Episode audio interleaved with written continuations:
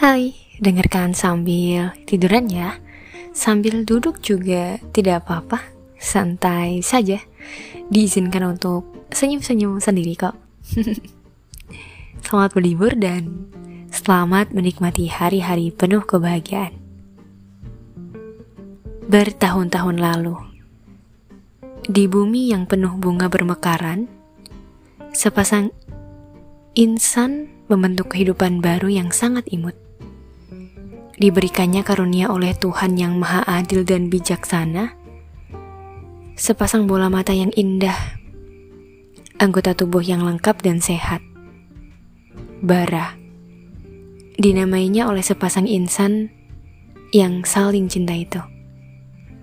Bara hidup dengan baik, berkembang setiap harinya, dan negeri imut yang ada di dunianya pun sangat ramai oleh para bangsawan dan dermawan.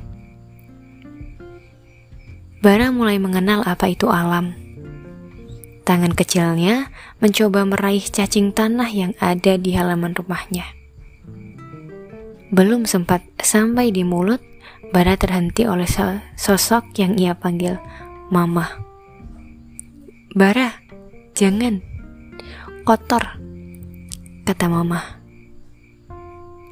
Bara yang penurut pun mengikuti ucapan mama dan merangkak ke arah pelukan mama.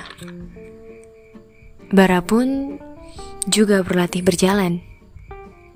Jatuh terus, tapi Bara tidak jerah dan tetap mencoba. Begitulah kisah Bara kecil.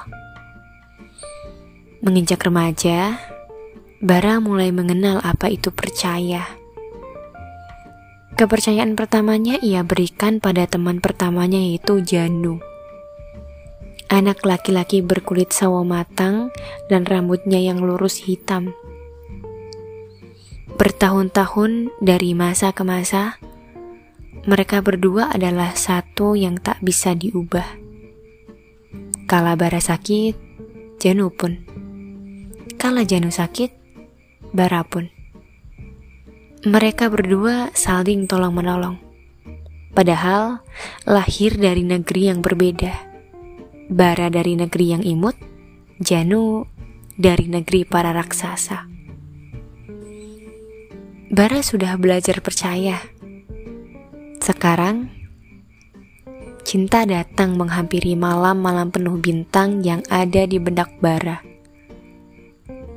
hanya Hara, bukan Janu lagi. Hara, wanita yang jauh-jauh dipersiapkan Tuhan untuk membuat Bara mengerti apa itu cinta dan seperangkatnya. Namanya Hara, cantik, menawan dan selalu membawa kabar-kabar indah.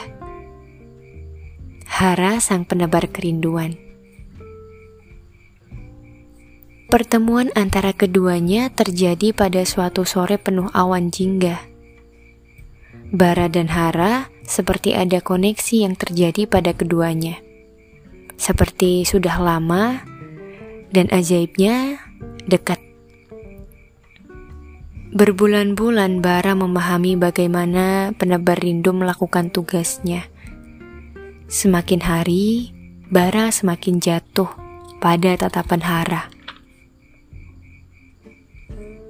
Hara pun tersenyum manis. Maukah kau memberikan kepercayaan pada diriku? Kata Hara.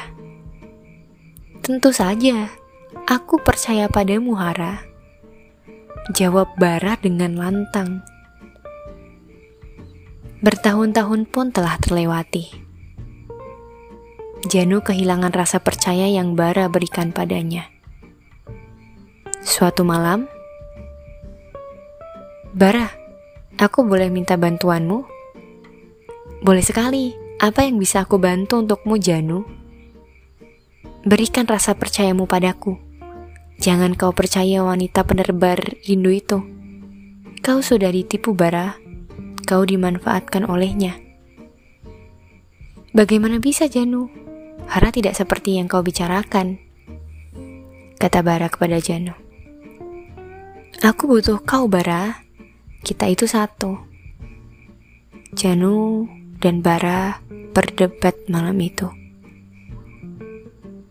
Singkat kisah, Bara pun mengikuti apa kemauan Janu. Kemudian Bara menemui Sang Hara. Hara, maaf, rasa percayaku sudah aku kembalikan pada Janu yang memberikan rasa itu.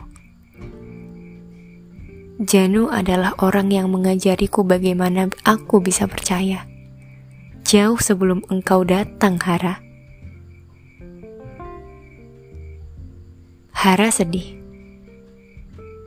Ia tidak habis pikir. Manusia sepintan apakah bara hingga sebuah keputusan yang sudah ia ambil harus diputuskan ulang. Hara dengan serbuk rindunya pun pergi meninggalkan negeri imut. Kalian para raksasa tidak seharusnya memanipulasi penghuni negeri imut. Jika dengan kata percaya kalian janjikan perdamaian, lalu ke mana perginya hasil tanaman dan rasa cinta jika tak kalian makan dengan rakus? Langit pun gelap Awan hitam menyelimuti dua negeri tersebut. Jauh sebelum aku datang ke bumi, tempatmu bersenandung. Aku kembali pada negeriku yang semula. Terima kasih sudah mendengarkan.